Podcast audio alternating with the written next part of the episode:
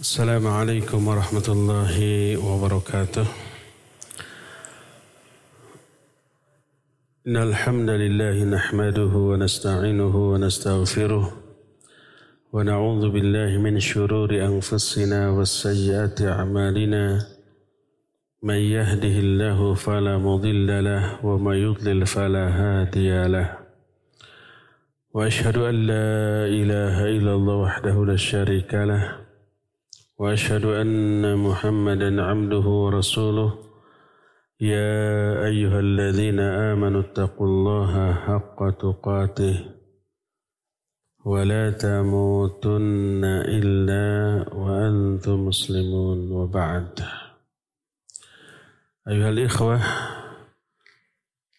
para jamaah Masjid Al-Irsyad Kota Baru Padalarang Kabupaten Bandung Barat yang Allah muliakan, para pendengar radio Tarbiyah Sunnah Bandung, juga radio-radio lain yang ikut gabung, para pemirsa Persada TV, Niaga TV, dan TV-TV lain, juga para netizen di mana saja Anda berada. Alhamdulillah kita kembali berjumpa. Tema yang kita akan bahas sekarang adalah hadis tentang agama adalah nasihat. Kalau kita mendengar kata-kata nasihat, langsung yang terfahami oleh pikiran kita adalah Nasihat itu wejangan. Nasihat itu pelajaran. Nasihat itu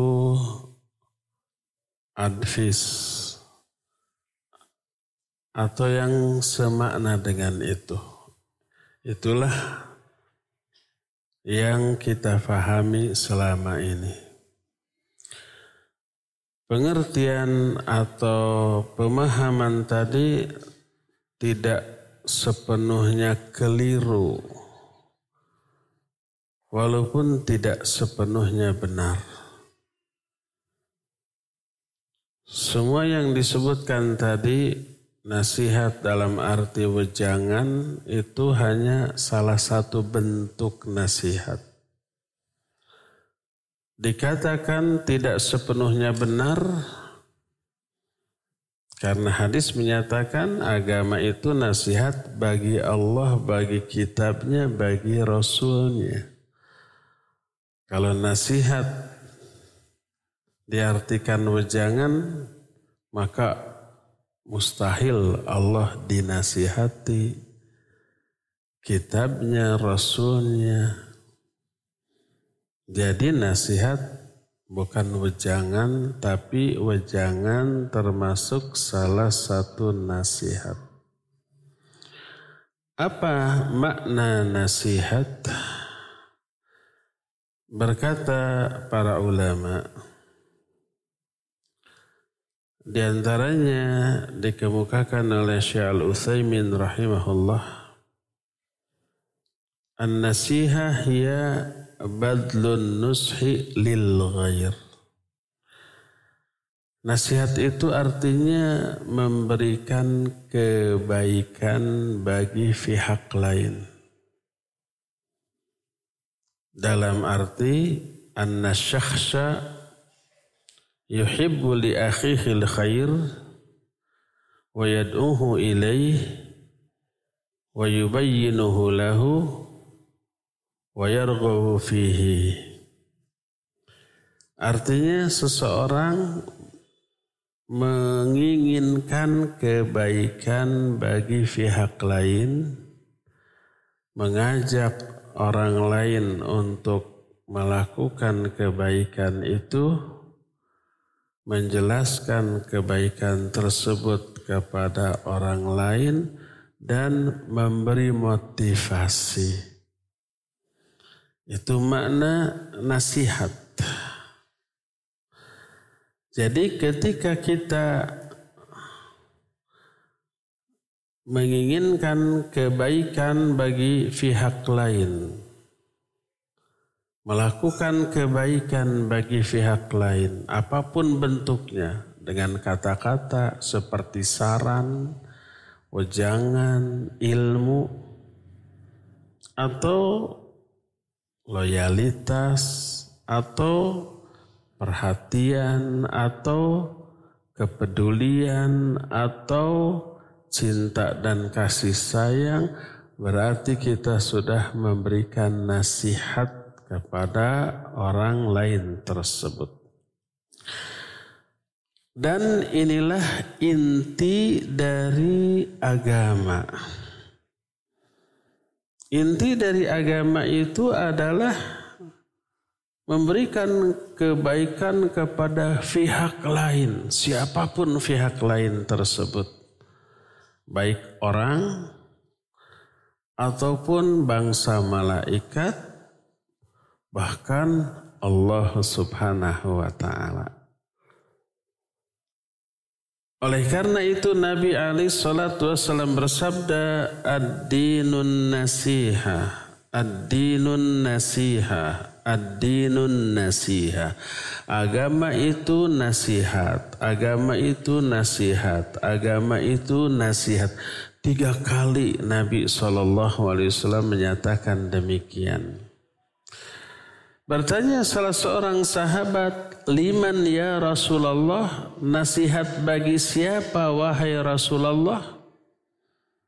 Dijawab oleh Nabi SAW, lillahi wali kitabihi wali rasulihi wali a'immatil muslimina wa amatihim. Agama ini nasihat bagi lima pihak. Pertama bagi Allah, kedua bagi kitabnya yaitu Al-Quran, ketiga bagi Rasulnya, Keempat bagi imam-imam kaum muslimin. Kelima bagi seluruh kaum muslimin dari kalangan orang awam. Nah, inti dari agama itu adalah nasihat kepada lima pihak ini. Dan kelima pihak tersebut saling berkaitan dan memberi efek terhadap yang lain. Akibat memberi nasihat kepada Allah pasti akan diikuti oleh memberi nasihat kepada kitab, kepada rasul, kepada imam kaum muslimin dan kepada umumnya kaum muslimin. Kalau tidak sampai kepada memberi nasihat kepada umumnya kaum muslimin berarti nasihat yang kita berikan kepada Allah kurang atau bahkan keliru atau salah. Nah, ini yang kita akan rinci satu-satu. Apa yang dimaksud bahwa agama ini nasihat kepada Allah, nasihat kepada kitabnya, nasihat kepada rasulnya dan seterusnya agar kita tidak salah paham dan tidak salah aplikasi. Adapun nasihat kepada Allah, agama ini nasihat kepada Allah. Apa maknanya? Maknanya adalah agama ini memberikan kebaikan kepada Allah ya. Kenapa tuh? Ulangi. Apa makna agama ini nasihat kepada Allah? Maknanya adalah orang yang beragama ini yaitu kita harus memberikan kebaikan kepada Allah SWT bukan karena Allah butuh kebaikan dari kita, tapi demi keuntungan dan kebaikan kita sendiri. Sebab kebaikan yang kita lakukan kepada Allah ada timbal baliknya, ada efek baliknya kepada kita. Oleh karena itulah maka bentuk-bentuk dari nasihat kepada Allah adalah pertama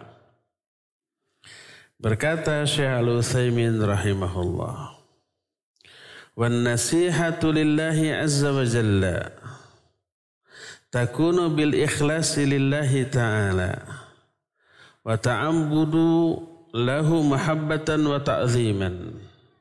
Lianna Allah azza wa jalla yata'ambadu lahul amdu mahabbatan fayaqumu bi amawir bi awamirihi talaban lil wusuli ila mahabbatihi azza wa jalla wa ta'ziman fayantahi inda maharamihi khaufan minhu subhanahu wa ta'ala. Nasihat kepada Allah pertama dalam bentuk hendaklah memurnikan ketaatan hanya kepada Allah. Beribadah kepada Allah karena cinta dan mengagungkan Allah. Karena apabila seorang hamba beribadah kepada Allah karena cinta, dia akan melaksanakan semua perintah Allah karena ingin meraih kecintaan Allah kepada dirinya. Kenapa kita ibadah? Karena ingin dicintai, Pak. Di, ingin dibalik dicintai pula oleh Allah Subhanahu wa taala. Coba perhatikan hadis qudsi yang diriwayatkan oleh Imam Bukhari dalam kitab Sahih Bukhari. Allah berfirman di tengah-tengah nih, di tengah-tengah lafaz hadis tidak dari awal karena rada panjang. Allah menyatakan wala yazalu 'abdi yataqarrabu ilayya bin nawafili hatta uhibbah. Tidak henti-hentinya hambaku mendekatkan dirinya kepadaku dengan amalan-amalan sunnah selain yang fardu. Sampai aku mencintainya. Coba lihat. Kecintaan Allah bisa teraih salah satunya dengan ibadah di samping yang fardu juga yang sunnah. Kata orang Sunda namanya nggak apa-apa pakai bahasa Sunda. Mulai nu mecat jadi ustad meren. Fardu kalaku sunnah kalampah. Yang wajib dilakukan, yang sunnah dilaksanakan. Hatta uhibbahu sampai aku mencintainya. Coba lihat. Jadi kalau dasar ibadah yang kita lakukan adalah cinta. Salah satunya nih, selain cinta harus ada khauf. Cinta dan khauf ini dua perasaan yang tidak bisa dipisahkan. Di mana ada cinta, pasti ada khauf, pasti ada roja. Roja itu berharap, bukan nama radio. Tiga ini tidak bisa dipisahkan, pasti ada kepada siapa pun, kepada Allah, kepada manusia, suami istri saling mencintai. Ada rasa takut? Ada. Istri takut suaminya nikah lagi. Istri takut suaminya tidak perhatian lagi. Istri takut suaminya cuek kepada dia dan sebaliknya. Ada cinta, pasti ada takut, dan pasti ada harap. Kepada apa pun. Kita mencintai sebuah benda, motor, mobil, cinta. Ada takut? Ada. Takut hilang, dicuri. Takut dirusak. Dan seterusnya. Ada harapan? Ada. Harapannya mobil ini terus mulus, tidak ada kerusakan, tidak ada yang menjaili dan seterusnya. Itu selalu ada. Apalagi kepada Allah subhanahu wa ta'ala. Berdasarkan hal itulah maka orang yang beribadah kepada Allah dengan dasar cinta dan mengagungkan dia akan beribadah kepada Allah karena ingin memperoleh kecintaan balik Allah kepada dirinya dan dia akan berhenti dari hal-hal yang Allah haramkan karena takut kecintaan Allah pudar kepada dirinya. Berganti dengan murka dan kebencian. Inilah bentuk nasihat kita kepada Allah yang pertama yaitu mengikhlaskan seluruh ketaatan kepada Allah. Kedua, wa minan nasihati lillah ayyakuna al-insanu daiman dzakiran li rabbih biqalbihi wa lisanihi wa jawarihi. Kedua, di antara bentuk nasihat kita kepada Allah adalah selalu berzikir kepada Allah dengan hati, dengan lisan, dan dengan anggota badan. Ammal qalbu fa innahu la hududa li dhikrih. Wal insan yastati'u an yadhkura Allah biqalbihi ala kulli hal wa fi kulli ma yasha wa fi kulli ma yasma lianna fi kulli shay'in lillahi ta'ala ayah تدل على وحدانيته وعظمته وسلطانه. يفكر في خلق السماوات والأرض. يفكر في الليل والنهار. يفكر في آية الله من الشمس والقمر والنجوم والجبل والشجر والدواب وغير ذلك. فيحدث هذا ذكرا لله عز وجل في قلبه. Adapun Zikir dengan hati ini tidak terbatas. Bisa dilakukan dalam setiap keadaan. Bisa dilakukan dalam berbagai macam bentuk. Karena di dalam segala sesuatu ada ayat atau tanda kekuasaan Allah, tanda keesaan Allah, tanda keagungan Allah. Di langit, di bumi di pergantian perbedaan siang dan malam matahari, bulan, bintang, gunung, pepohonan, binatang-binatang seluruhnya menunjukkan keberadaan Allah, kekuasaan Allah, keagungan Allah dan seterusnya. Sampai di WC pun kita bisa berzikir kepada Allah dengan hati bukan dengan lisan. Ketika kita duduk atau jongkok di WC, kita ingat surga, ingat neraka. Zikir. Kita berpikir tentang bagaimana dulu Allah menciptakan langit dan bumi. Kita berpikir tentang alam kubur ketika di WC. Boleh? Boleh. Itu zikir dengan hati. Yang terlarang zikir dengan lisan. Nggak boleh kalau di WC. Makanya Syekhul Islam Ibn Taimiyah rahimahullahu ta'ala menyatakan apabila para ulama zaman dahulu mau ke WC. Mau ke WC. Dia panggil salah seorang muridnya. Disuruh muridnya membacakan kitab di luar WC secara keras. Agar terdengar oleh ulama tersebut ketika sedang berada di dalam WC. Maka selama ada di dalam WC ilmu tetap dapat. Karena ada orang yang membacakan kitab secara keras dan terdengar. Itu zikir. Zikir dengan hati.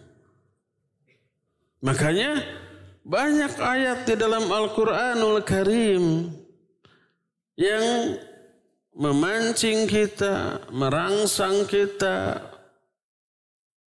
menganjurkan kepada kita, bahkan menyuruh untuk memikirkan alam semesta sebagai wasilah batu loncatan untuk meyakini betapa agungnya Allah. إن في خلق السماوات والأرض واختلاف الليل والنهار لآيات لأولي الألباب الذين يذكرون الله قياما وقعودا وعلى جنوبهم ويتفكرون في خلق السماوات والأرض. ربنا ما خلقت هذا باطلا. سبحانك فقنا عذاب النار. Sesungguhnya dalam penciptaan langit dan bumi, perbedaan siang dan malam, ada tanda-tanda kebesaran Allah bagi orang-orang yang berakal. Itu orang yang selalu berzikir kepada Allah dalam keadaan berdiri, duduk ataupun berbaring sambil memikirkan penciptaan langit dan bumi. Sampai terucap dari mulutnya, Ya Allah, tidaklah engkau menciptakan semua ini dengan sia-sia. Ma khalaqata hadha batila. Tidak sekedar iseng, tidak sekedar pangangguran, tidak sia-sia, tidak menciptakan tanpa tujuan enggak, tapi dengan tujuan yang agung. Alam tara anna Allah sakhkhara lakum ma fis samawati wa ma fil ard wa asbagha alaikum ni'amahu zahiratan wa batinah. Tidakkah kalian perhatikan Allah telah tundukkan semua yang ada di langit dan di bumi untuk kalian. Allah telah curahkan kepada kalian nikmat-nikmat yang banyak lahir atau batin. Alam taro Alam taro anna Allah yulijul layla fil nahar wa yulijul nahara fil fil lail wa sakhara syamsa wal qamar kullu yajri ila ajalim musamma Tidakkah kalian perhatikan bagaimana Allah memasukkan malam kepada siang dan siang kepada malam? Allah tundukkan semua makhluk lain kepada kalian.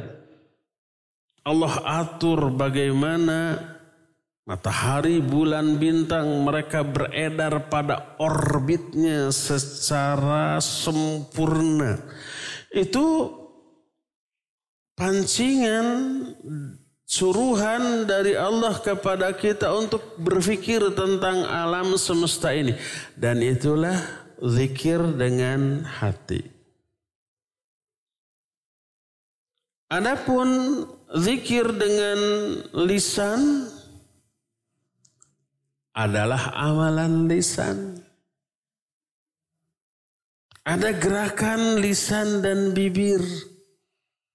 Memuji Allah, menyanjung Allah dengan pujian dan sanjungan yang layak sebagaimana yang Allah ajarkan kepada kita.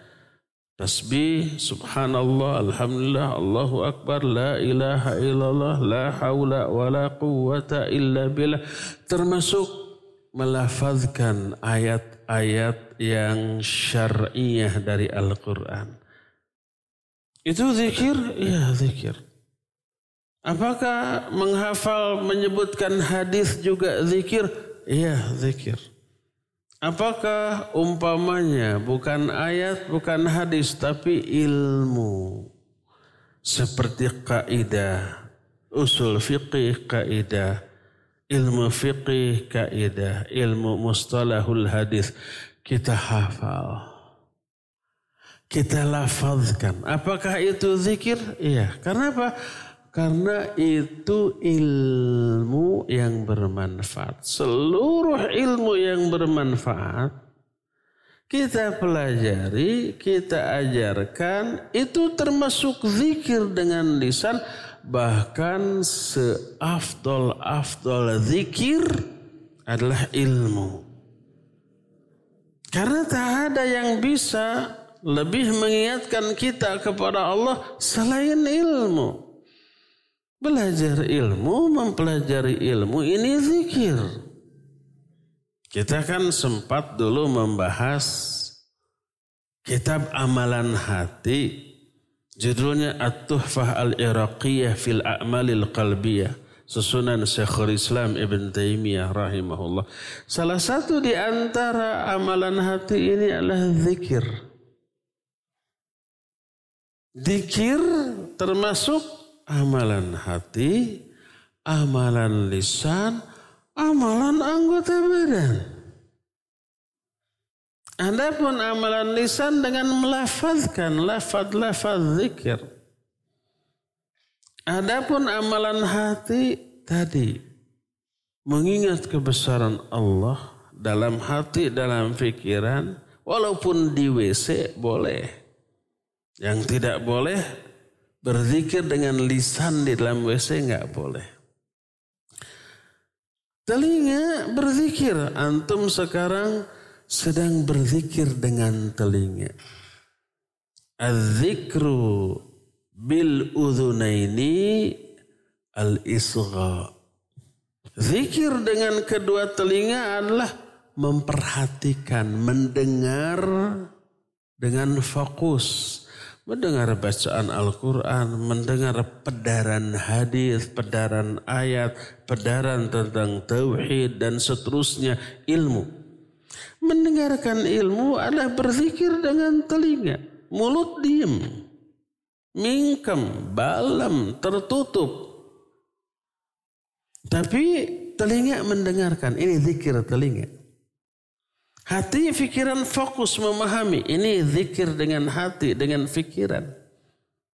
Wa zikru birijlaini al-mashyu ilal masajid.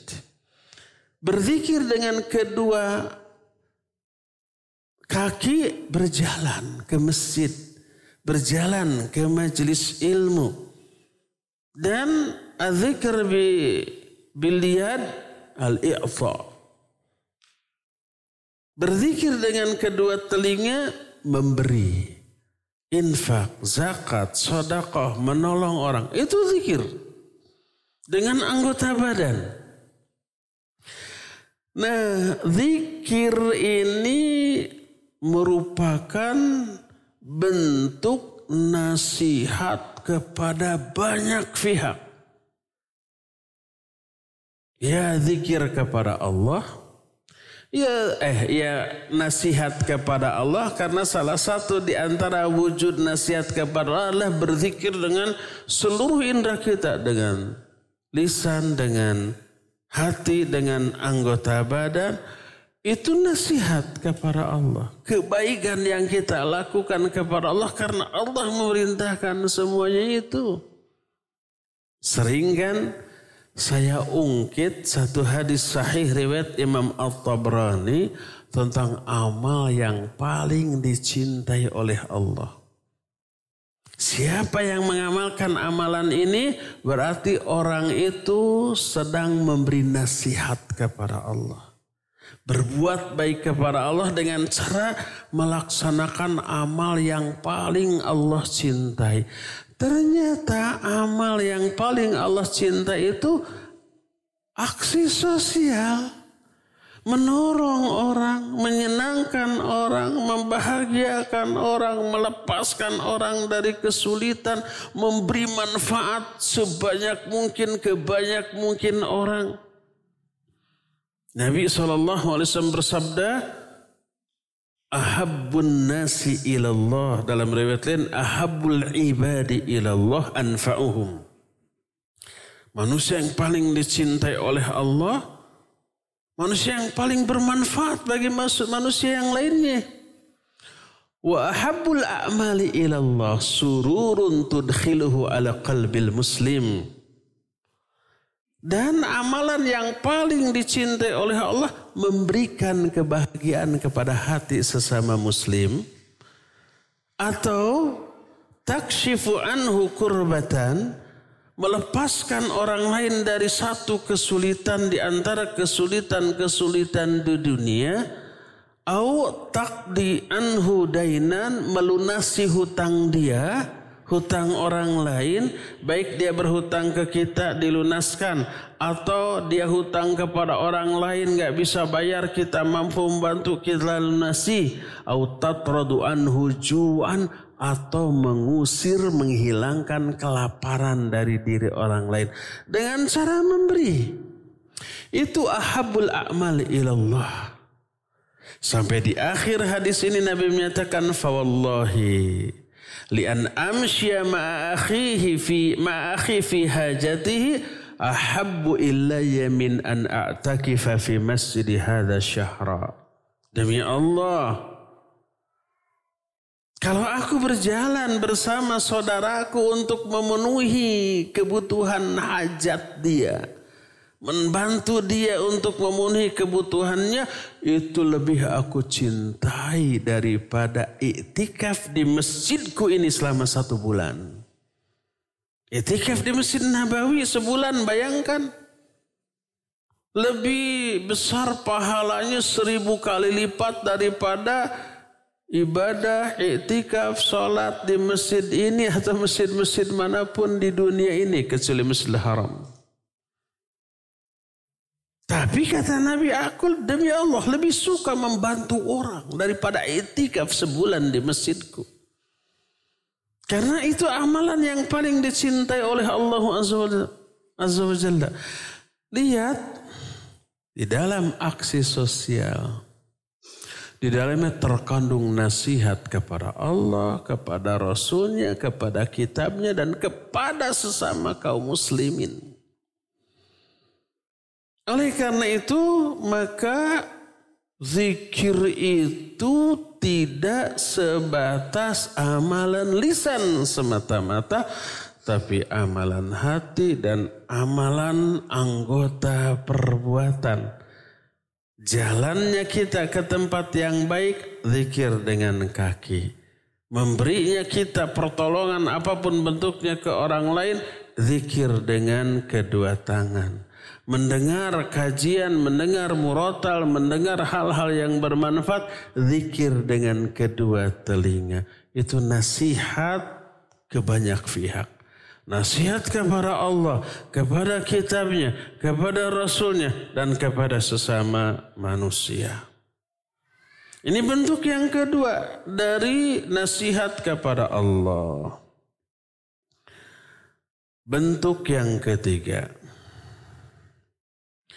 ومن النصيحة لله أن يذب عن دين الله تعالى الذي شرعه لعباده.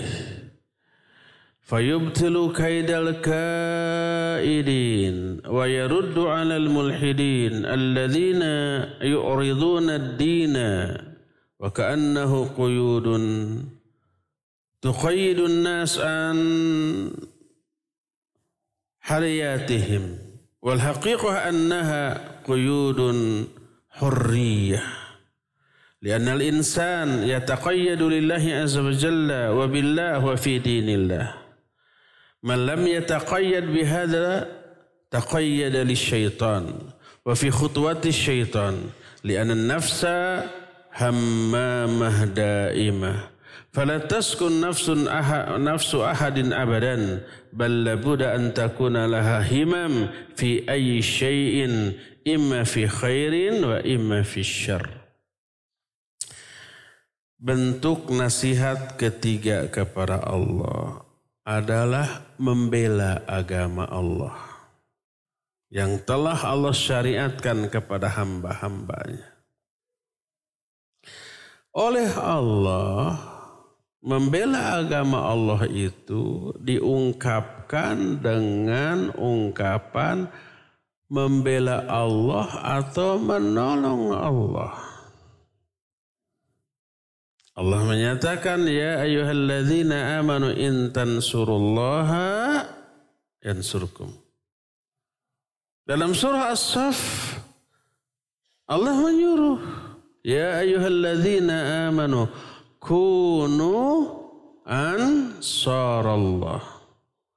kama qala Isa ibn Maryam lil hawarina man ansari ila Allah qala al hawariyuna nahnu ansarullah Kata Allah, hai orang-orang yang beriman, jadilah kalian penolong-penolong agama Allah.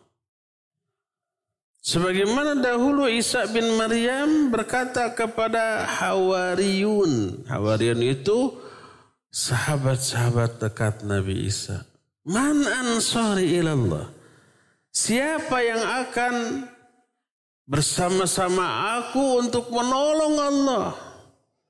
Hawariyun itu menjawab, kami penolong-penolong Allah.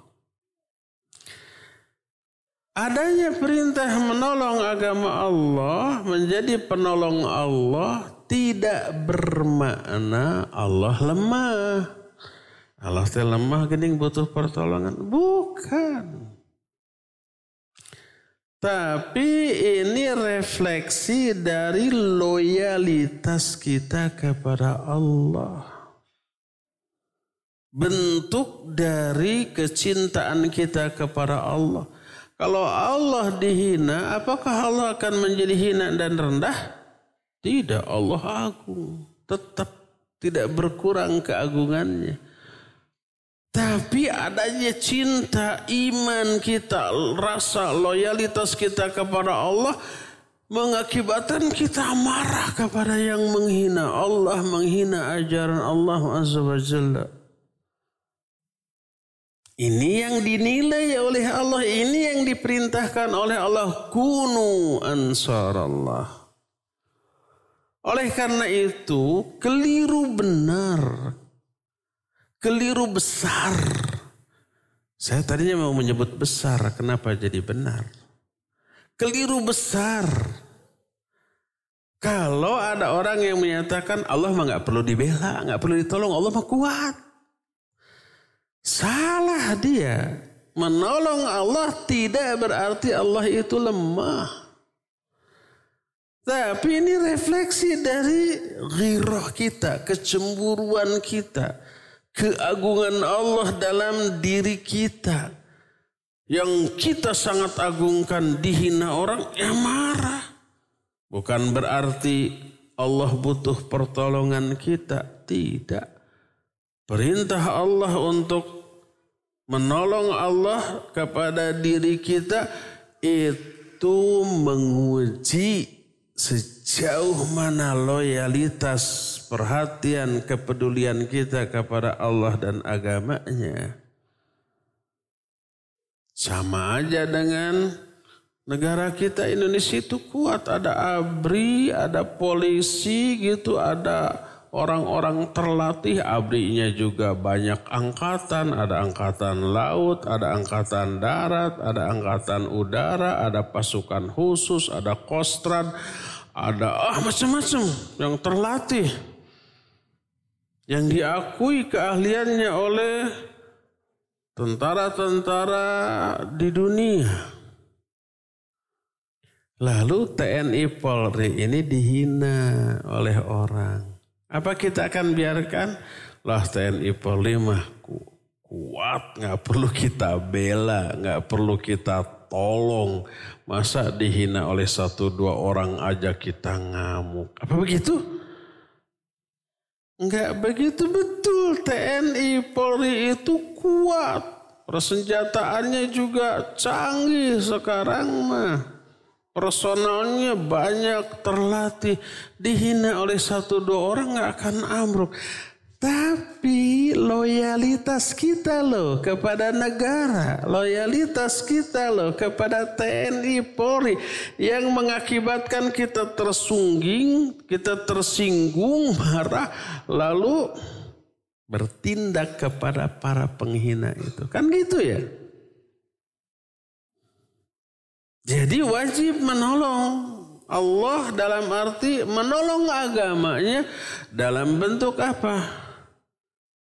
membela agama ini dari upaya orang yang akan menghancurkannya.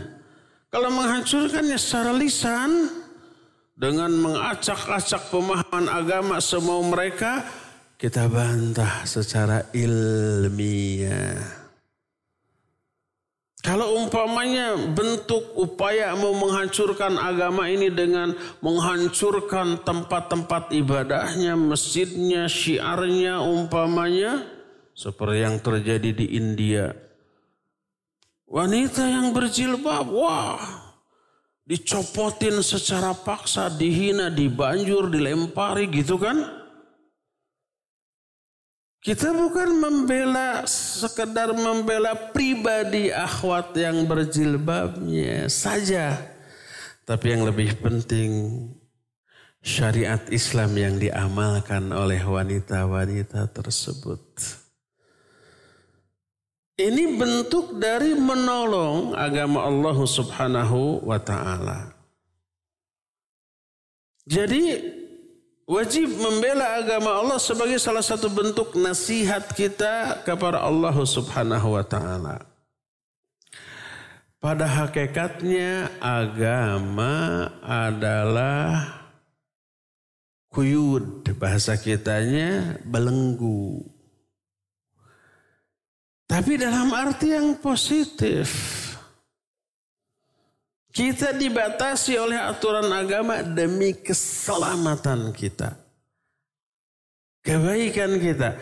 Sebab bila seseorang tidak dibatasi oleh batasan yang Allah tetapkan, dia akan masuk kepada belenggu setan laknatullahi alaih.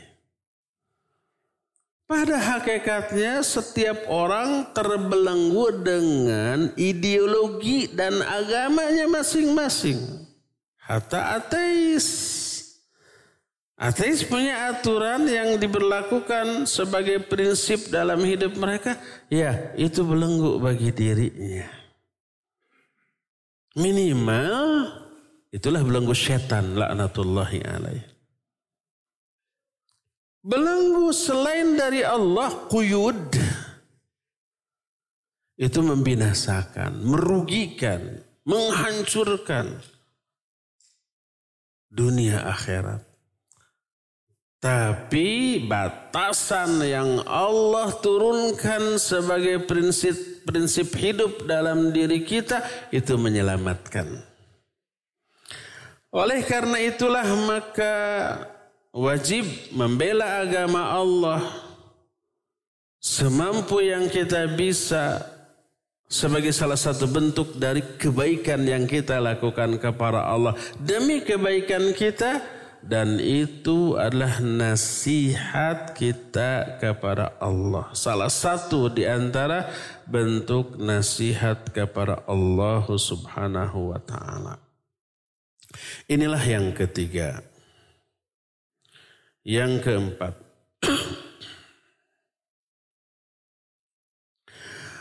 ومن النصيحة لله عز وجل أن يكون باتا دين الله في عباد الله لأن هذا مقام الرسل كل كلهم فهم دعاة إلى الله يدعون الناس إلى الله عز وجل Di antara bentuk nasihat kita kepada Allah Subhanahu wa taala adalah menyebarkan agama Allah. Karena ini adalah fungsi dari seluruh rasul. Mereka mengajak manusia kepada Allah Azza wa Jalla sebagaimana firman Allah dalam banyak ayat di antaranya surah An-Nahl 36 walaqad ba'atsna fi kulli ummatin rasulan an ibudullaha wajtanibut taghut. Faminhum man hadallah wa minhum man haqqat alaihi dhalalah Sungguh kami telah mengutus kepada setiap umat seorang rasul. Rasul ini menyerukan sembahlah Allah oleh kalian dan jauhi tagut. Di antara mereka ada orang yang memperoleh hidayah dari Allah melalui dakwah tersebut dan di antara mereka ada juga yang telah Allah tetapkan kesesatan atas dirinya. Ikhwah, lihat. Memberi hidayah itu bukan urusan kita, urusan Allah. Yang menjadi kewajiban kita sampaikan. Ada orang yang melalui penjelasan kita dapat hidayah, ada orang yang melalui penjelasan kita tetap sesat bahkan benci kepada dakwah yang kita sampaikan. Kenapa? Allah yang memilih Siapa orang-orang yang layak dapat hidayah dengan dakwah ini? Siapa orang-orang yang akan tetap benci kepada dakwah ini walaupun sudah sampai dakwah terbaik kepada dia? Apa yang menjadi penyebab kenapa ini diberi hidayah, kenapa itu tetap dibiarkan sesat? Ingat, hidayah dan kesesatan dua-duanya balasan dari Allah kepada orang tersebut. Kenapa orang itu diberi hidayah setelah mendengar kajian, dakwah, ceramah, wajangan? Kenapa Allah beri hidayah? Itu balasan atas kebaikan dia sebelumnya. Mungkin dia berbuat baik berupa infak sodakoh, berupa membantu orang tuanya di rumah sampai orang tuanya ridho dan senang. Atau umpamanya dia berbuat baik kepada tetangganya, menolong orang lain. Itu kebaikan Allah akan balas. Salah satunya dengan hidayah. Tiba-tiba saja ke HP-nya masuk pengumuman ada kajian di masjid anu, materinya anu, ustadznya anu. Ujuk-ujuk jorojoy. Jorojoy nggak ada terjemahannya. Bahasa Sunda. Tiba-tiba, ujuk-ujuk tuh, tiba-tiba muncul keinginan, ah mau hadir ah. Kebetulan Gak ada kesibukan, sehat, kendaraan ada, uang ada untuk beli bensinnya. Akhirnya datang. Itu hidayah dari Allah. Dan begitu duduk, Allah jadikan pikirannya itu fresh, konsentrasi, fokus, nyerap, masuk ke dalam hati, memberi motivasi pulang ke rumah jadi lebih baik. Ambil mushaf baca. Pas sebelum azan ke masjid. Tadinya hanya fardu aja sekarang yang sunnah pun dilakukan. Terinspirasi, termotivasi oleh ceramah tadi. Itu hidayah dari Allah sebagai balasan atas kebaikan sebelumnya. Yang lain ada yang disesatkan oleh Allah. Datang BC, ah Ustaz nage butut umpamanya. Terlalu jauh harorea, males ah materinya kurang menarik. Enggak. Enggak diberi hidayah. Atau disamper paksa ayolah antar saya oleh temennya. Ah terpaksa ikut.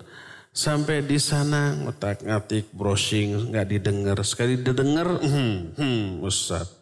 Kayak udah pernah ke surga ke neraka aja kayak jadi asisten Allah saja. Ah, kayak macam-macam.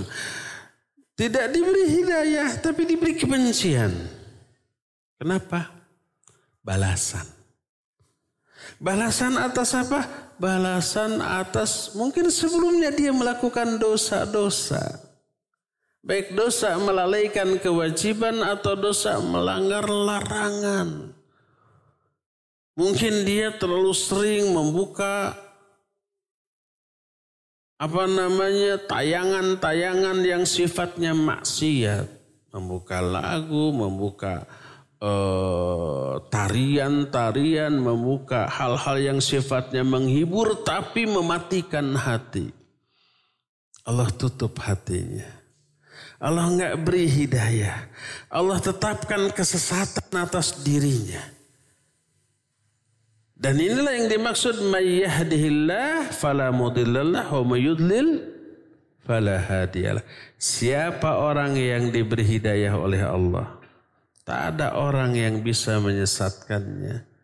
Siapa yang disesatkan oleh Allah? Orang sesat karena disesatkan oleh Allah. Wa mayudlil, yudlil itu siapa yang disesatkan oleh Allah. Bukan sesat sendiri, bukan. Allah yang menyesatkan. Fala maka tak ada seorang pun yang bisa memberi hidayah. Diseramahi, disampaikan ayat mental. Kenapa Allah menyesatkan dia? Balasan atas dosa-dosa sebelumnya. Ini yang dimaksud oleh Allah, faminhum man hadallah wa minhum man haqqat alaihi dhalalah. Di antara orang yang didakwahi ada yang Allah beri hidayah. Di antara orang yang didakwahi ada orang tetap di atas kesesatannya. Nah ini dakwah. Dakwah termasuk di antara bentuk nasihat kita kepada Allah subhanahu wa ta'ala. Dan banyak lagi bentuk-bentuk nasihat kita kepada Allah Subhanahu wa taala. Intinya agama ini nasihat bagi Allah maknanya adalah agama ini adalah upaya kita dalam melakukan sebanyak mungkin kebaikan kepada Allah untuk kebaikan kita sendiri. Bentuknya sangat banyak kalau dirinci bisa puluhan atau bahkan ratusan. Intinya setiap perbuatan baik yang Allah sukai, yang Allah ridai itu merupakan nasihat kita kepada Allah Azza. Inilah poin pertama bahwa agama ini nasihat bagi Allah. Poin kedua, wali kitabih. Agama ini juga nasihat bagi kitabnya. Percuma kita memberi nasihat kepada Allah dalam bentuk-bentuk yang tadi dijelaskan. Kalau poin kedua ini kita tidak lakukan, tidak memberi nasihat kepada kitab.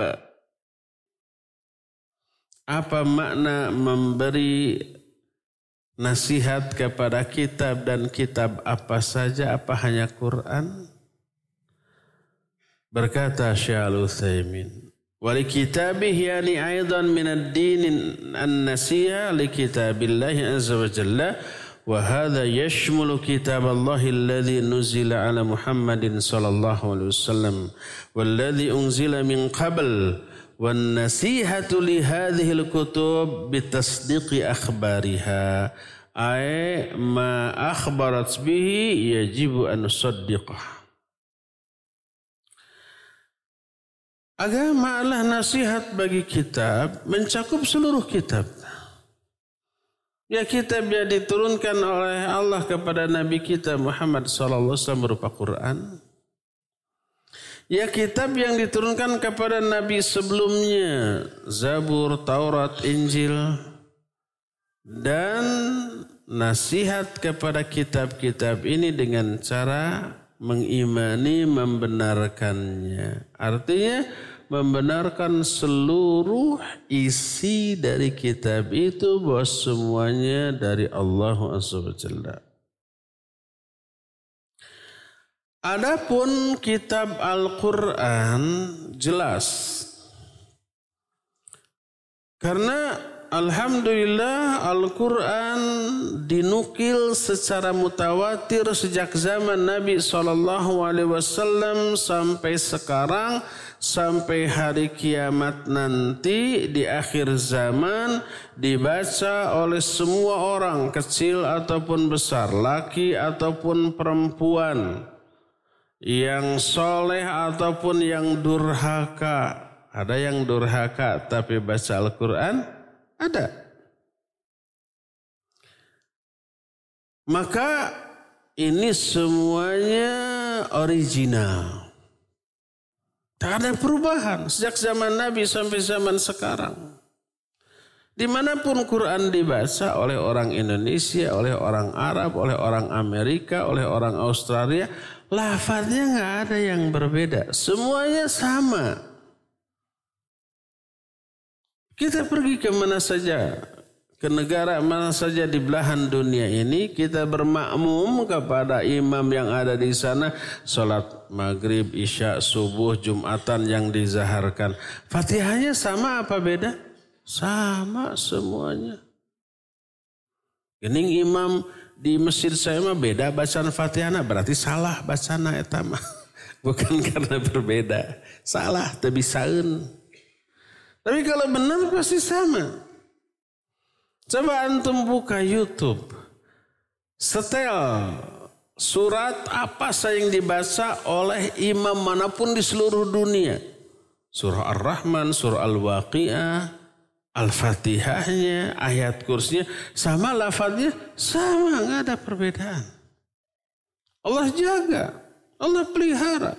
Inna nahnu nazzalna dzikra wa inna lahu lahafidun.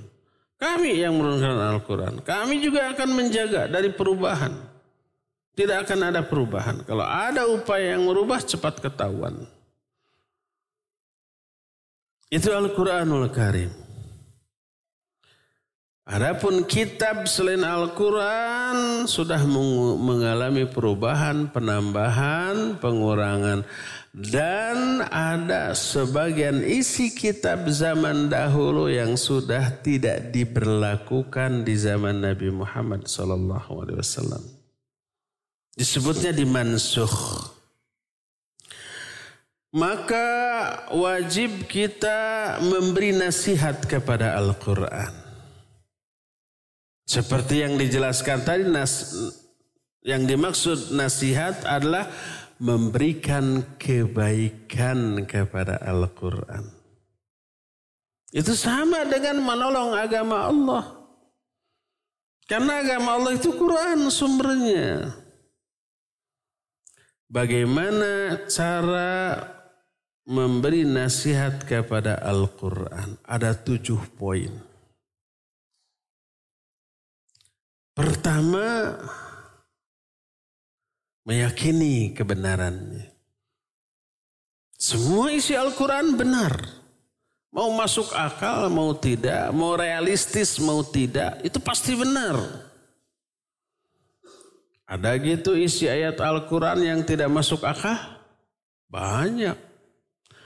Tentang akhirat, tentang surga, tentang neraka, di akhirat nanti mulut ditutup, nggak bisa ngomong, yang bisa ngomong tangan, kaki, kulit, daging, tulang. Masuk akal nggak? Nggak, nggak masuk akal. Tapi wajib yakini, percaya benar itu kelak terjadi. Jadi pertama meyakini kebenarannya. Kedua, mempelajari dua hal dari Al-Quran. Pertama cara bacanya, kedua tafsirannya.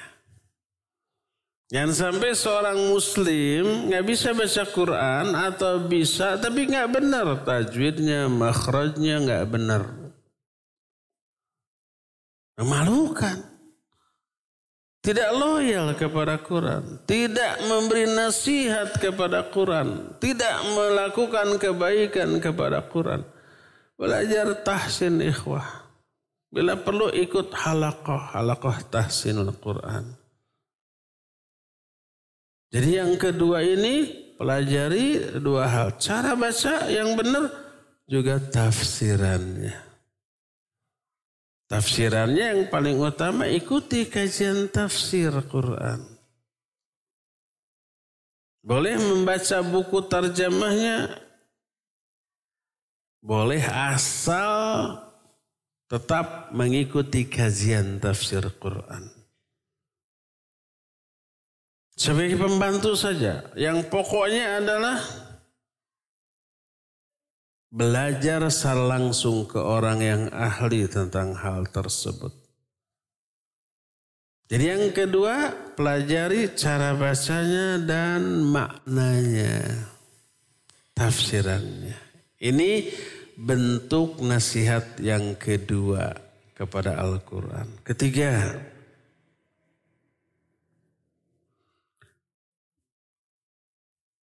membaca secara musalsal. Musalsal itu rutin terus. Dari Fatihah, Al-Baqarah, Al-Imran, An-Nisa, Al-Maidah terus sampai An-Nas.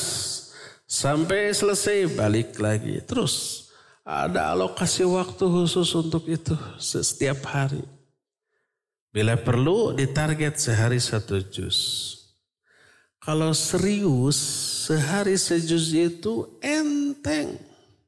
Kalau serius, kalau umpah kita baca secara rileks maksimal sejam satu juz. Bisa kurang dari itu. Nggak perlu sekali baca lima kali sebelum sholat, setelah sholat lima menit sebelum sholat, lima menit setelah sholat sepuluh menit. Atau enam menit, enam menit, dua belas menit sekali sholat. Lima kali sholat satu jam itu sudah satu juz. Nggak perlu banyak waktu. Sisihkan lima menit sebelum sholat, lima menit setelah sholat atau sepuluh menit terserahlah. Kali lima udah satu juz itu. Yang menyita banyak waktu. Asal rutin terus. Itu yang pertama, yang kedua hafalkan. Ada alokasi waktu khusus untuk menambah hafalan dan memurojaah hafalan. Memurojaah hafalan itu mengulang-ulang surat yang sudah kita hafal. Kemudian, nah efeknya apa? Kalau tiga poin ini, pertama memahami tafsirnya, kedua membaca secara rutin, ketiga menghafal, tiga ini saja efeknya sudah luar biasa kepada hati, pikiran, jiwa kita berefek ke kekhusyuan kita dalam sholat. Berefek kepada perilaku kita.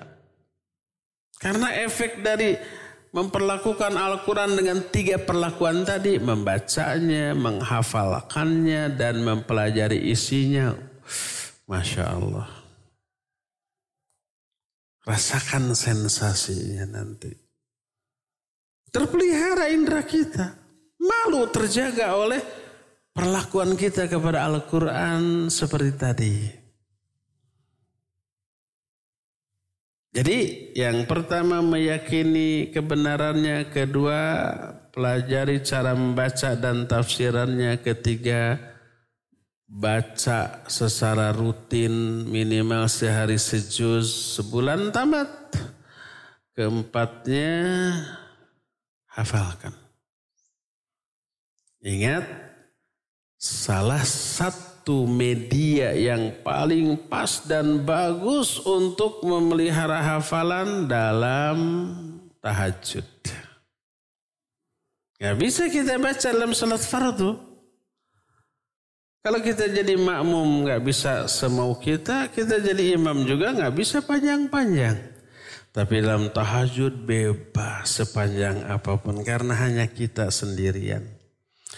Begitu sudah hafal surat baru, ah ingin segera dibaca nih dalam tahajud nanti malam. Gak sabar ingin nanti malam, ingin segera. Begitu bangun semangat, saya membaca surat baru. Biasa segala sesuatu yang baru itu ngangeninnya. Sok apa pun itu. HP baru, dari kekewek tuh. Yang kan yang baru yang lama gak dikekewek wae. Motor dilap, ditatap, diusap. Baru nih. Baru DP. Mobil juga begitu. Pengantin baru coba. Lengket terus itu kayak perangkok. Surat juga begitu tuh. Ingin segera dihafal. Ingin segera dibaca dalam tahajud. Memberi motivasi. Itu bentuk keempat dari nasihat kita kepada Al-Quran adalah menghafal, menghafalkannya. Kelima, ajarkan. Ajarkan Al-Quran ini ke sebanyak mungkin orang. Baik tata cara bacanya, tajwid makhrajnya. Kalau kita sudah layak mengajar. Ataupun tafsirannya kalau kita bisa. Minimal mengajarkan ikro gitu ya ke anak TK. Luar biasa itu. Jariah itu. Anak yang tadinya nggak bisa baca Quran jadi bisa baca Quran. Setiap dia baca Al-Quran dia dapat pahala. Kita juga kebagian pahala. Karena kita yang mengajarkan dia. Begitu terus. Sampai kita mati pahalanya nyusul terus ke alam kubur kita. Man sanna fil Islam sunnatan hasanatan falahu ajruha wa ajru man amila biha. Man dalla ala khairin kafa'ilihi. Terus begitu. Jadi ajarkan. Setiap kita mengajarkan Quran, kita akan menjadi sebaik-baik manusia. Khairukum man ta'allama al-Quran wa 'allamahu. Itulah yang kelima. Sebaik-baik kalian orang yang belajar Quran dan mengajarkannya. Keenam. Nah ini inti dan maksud utama dari diturunkannya Al-Quran. Tanpa ini bahaya kita. Keenam adalah mengamalkannya, mengaplikasikannya dalam kehidupan kita, menerapkannya dalam keseharian kita. Poin terakhir ketujuh, terakhir maksudnya yang nasihat kita kepada Al-Quran adalah membela, menolong dari upaya orang-orang yang akan merubahnya, menghinakannya, merendahkannya, kita bela. Kita tolong. Inilah tujuh poin nasihat kita kepada kitab Allah subhanahu wa ta'ala. Sudah dua poin nih dari hadis ini.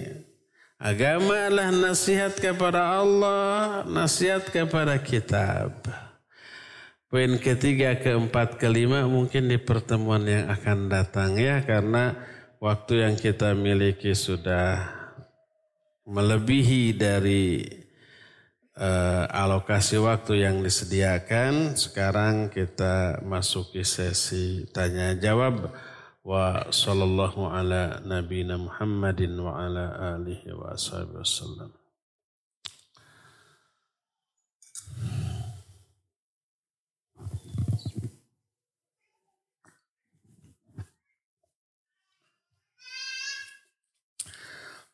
Pertanyaan pertama. Bismillah. Assalamualaikum warahmatullahi wabarakatuh. Waalaikumsalam warahmatullahi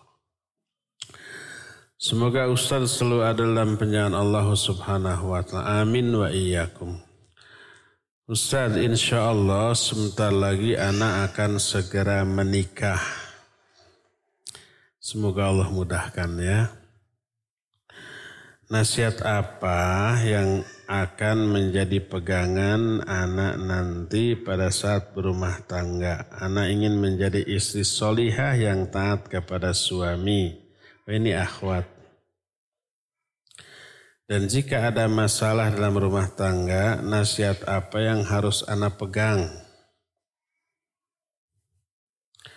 Ustaz tolong doakan anak semoga anak menjadi istri solihah. Amin. Ya semoga pernikahannya lancar, Allah mudahkan. Semoga rumah tangganya sakinah, mawadah, warahmah. Semoga akhwat yang bertanya ini menjadi istri yang solihah. Dan semoga suaminya menjadi suami yang soleh, yang mampu menjaga diri dan keluarganya dari api neraka Semoga dari rumah tangga akhwat yang nanya ini lahir anak-anak turunan cucu-cucu yang soleh dan solihah juga. Ada kemarin yang memposting di grup lalu uh, postingan itu bagus saya posting di status WA saya. Yang berteman dengan saya pasti bisa lihat postingan. Salah satu doa wanita soleh begini, saya baca ya. Saya bacakan. Saya nggak tahu siapa yang menulis ini, tapi menggelitik banget. Berkata wanita solihah. Antum jangan tertawa nanti ya. Berdoalah eh, berkata wanita solia, aku berharap suamiku punya tiga istri lagi. Sehingga satu hariku untuk suamiku dan tiga hariku fokus untuk ibadah kepada Robku saat dia ke istrinya yang lain. Bagus nggak? bagus untuk laki-laki ya. Tapi untuk wanita sangat bagus.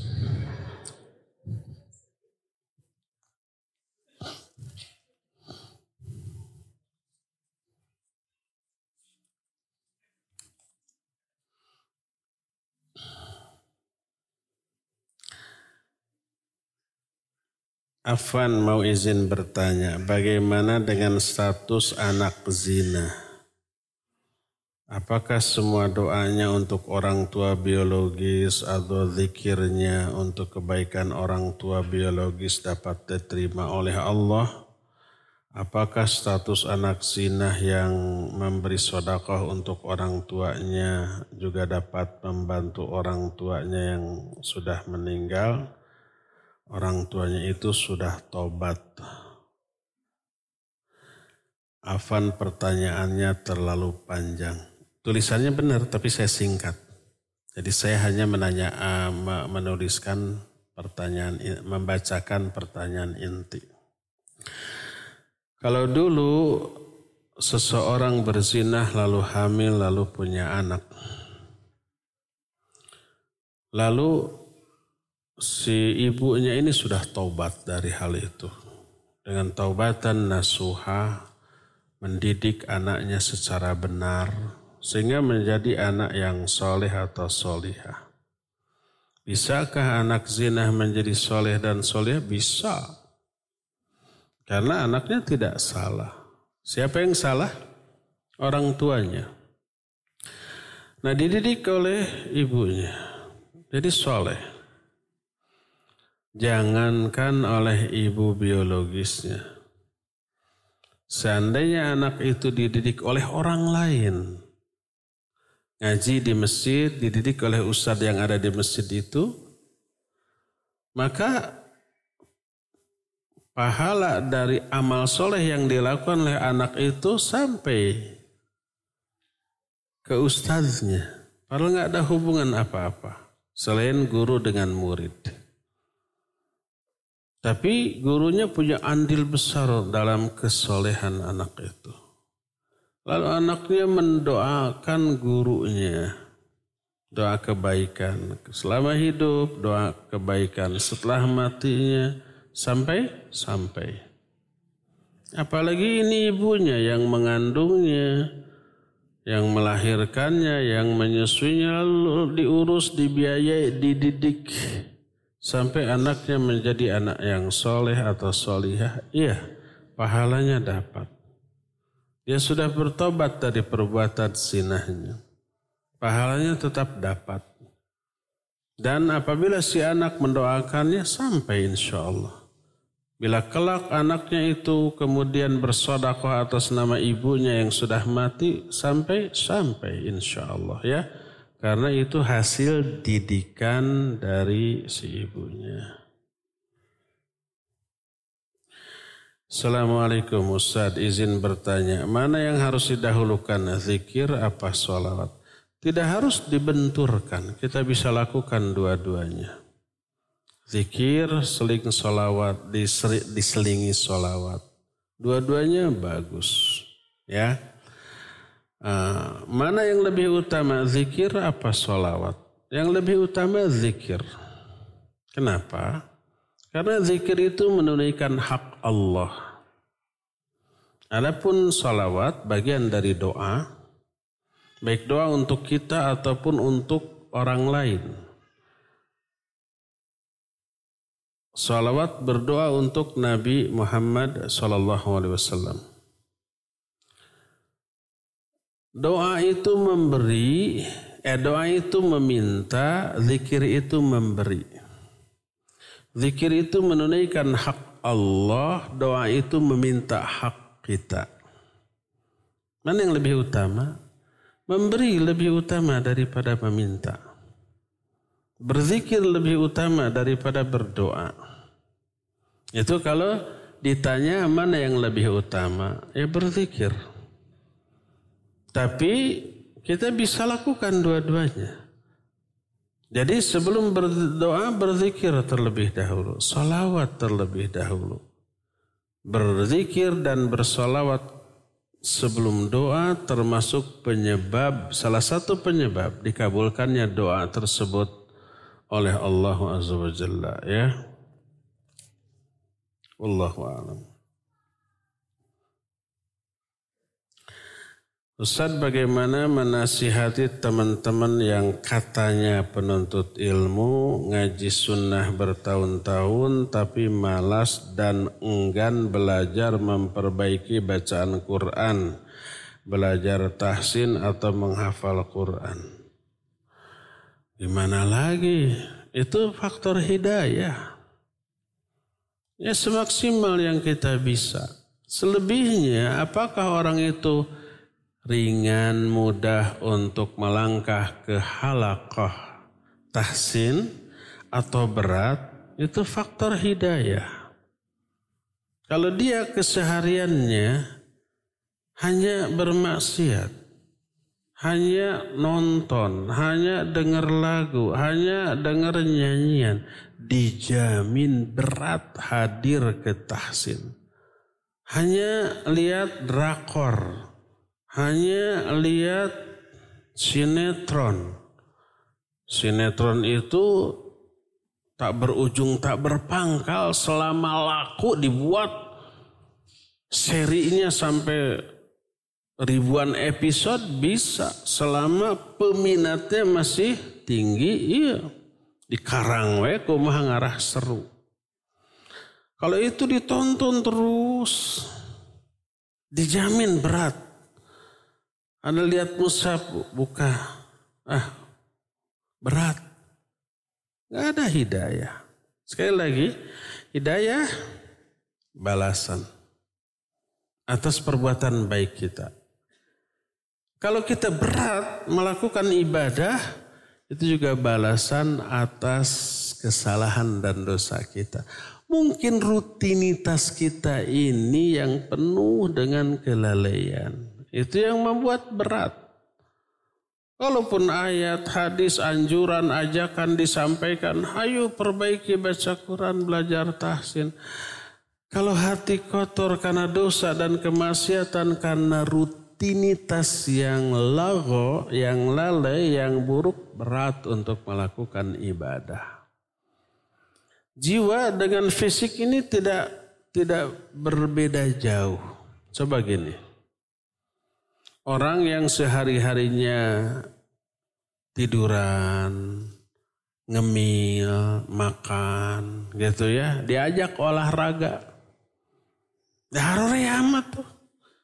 Dipaksa suruh lari baru jogging dua tiga langkah ngos-ngosan. Nggak bisa dipaksa dipaksa pingsan dia. Jantungnya nggak kuat ototnya nggak kuat nafasnya nggak kuat terlebih mentalnya juga nggak kuat. Dipaksa pingsan dia. Itu harus bertahap. Yang kayak begitu perbaiki pola hidup pola makan olahraganya bertahap. Jalan dulu, setelah jalan sekian ribu meter gitu, sekian kilo enteng, pertama pasti berat. Setelah enteng baru nanti jogging. Setelah ringan baru nanti maraton. Setelah maraton enteng baru sprint. Setelah sprint enteng silakan salto loncat gitu ya. Tak terasa eh langsing gitu. Tadi mau gemrot. Jadi sinergi antara mengatur pola hidup, pola makan, olahraga itu baru. Ini juga begitu sama. Jiwa berat untuk ibadah. Karena beban jiwa itu terlalu berat oleh dosa. Kurangi dosa. Terus nikreh tur melakukan ibadah sedikit demi sedikit. Bertahap harus rutin, harus terus menerus ya. Demikian, Allahu.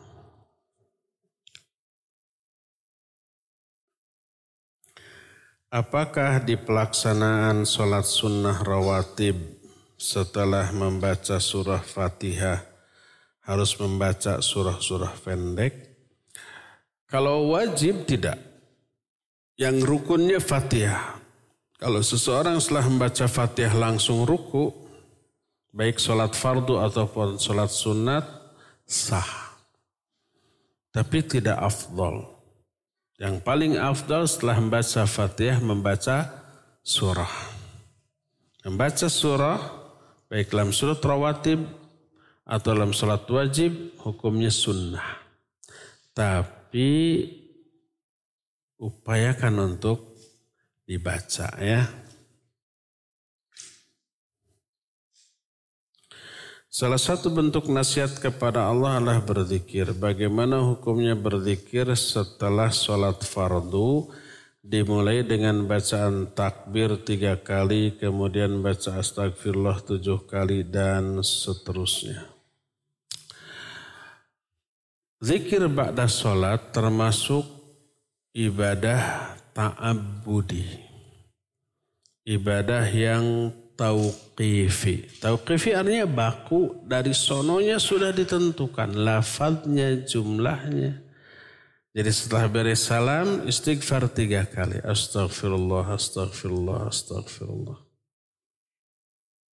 Terus Allahumma antas salam minkas salam tabarak ya jalali wa ikram. Terus dengan zikir-zikir seterusnya. Terus tasbih boleh 33 kali, boleh 25 kali, boleh 11, boleh 10. Semua itu dilakukan oleh Rasulullah SAW. Terus hamdalah, tahmid, terus takbir. Semuanya boleh 33, 25, 11 atau 10. Terus ditutup dengan la ilaha illallah wahdahu la syarikalah. Terus baca ayat kursi, Terus baca Qulhu Al-Falak An-Nas sekali-sekali kecuali pada maghrib pada subuh tiga kali tiga kali. Setelah itu berdoa. Itu yang baku yang diajarkan oleh Rasul Sallallahu Alaihi Wasallam. Ya, kalau kita memperoleh ingin peroleh pahala sunnah berzikir pada sholat Pertama, lakukan sesuai dengan urutan zikir yang diajarkan oleh Rasul Sallallahu Alaihi Wasallam. Mana yang lebih utama, mendahulukan amal baik atau sedekah atau bayar hutang? Sedangkan untuk bayar hutang, uang kita belum cukup. Bayar hutang wajib, sedekah hukumnya sunnah. Bayar hutang boleh dipaksa. Sodakoh tidak boleh dipaksa. Memaksa orang untuk melakukan amalan sunnah haram, tidak boleh. Umpah wajib saum kenis Senin Kamis, kalau enggak dihukum, enggak boleh. Berarti mewajibkan orang untuk mengamalkan amalan sunnah. Allah dan Rasulnya aja tidak mewajibkan, kenapa kita mewajibkan? Sodakoh adalah sunnah, tidak boleh dipaksa. Tidak boleh umpama mana dompetnya keluarin sini ambil, mana cincinnya copot, nggak boleh. Itu rampok. Nah, bayar hutang wajib. Bayar hutang dulu.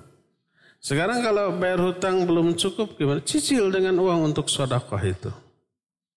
Bisa disimpan dulu, nanti kalau mencukupi dibayar, bisa saya ada uang lebih cicil ke yang berhutang, ke yang ngasih hutang. Itu lebih utama.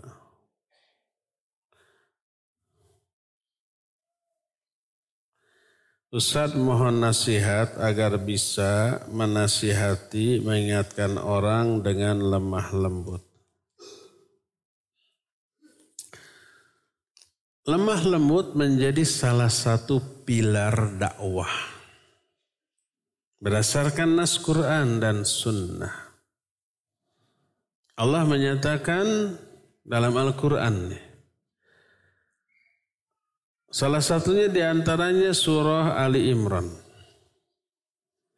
Allah subhanahu wa ta'ala menyatakan فَبِمَا Fabima اللَّهِ لِنْتَ لَهُمْ فَلَوْ كُنْتَ faddan ghalidhal الْقَلَبِ lang faddu min haulik. Karena sebab rahmat Allah kepada kamu, kamu bersikap lemah lembut kepada mereka dalam berdakwah. Kalau kamu bersikap kasar dan keras, niscaya mereka lari menjauhi kamu. Ayat ini mengisyaratkan wajibnya dakwah dengan lemah lembut. Kedua, kelemah lembutan salah satu wujud rahmat Allah kepada si dai. Fabima rahmati Allah lintalau. Karena rahmat Allah kepada kamu, kamu bersikap lemah lembut. Oleh karena itu, dakwah mendidik bermuamalah yang disertai dengan kelemah lembutan pasti baik. Kalau tidak ada kelemah lembutan pasti buruk. Ar-rifqa inna rifqa la yakunu fi syai'in illa zana wa la yunza'u min syai'in illa syanah. Tidaklah kelemah lembutan terdapat dalam sesuatu kecuali sesuatu itu akan menjadi baik dan indah.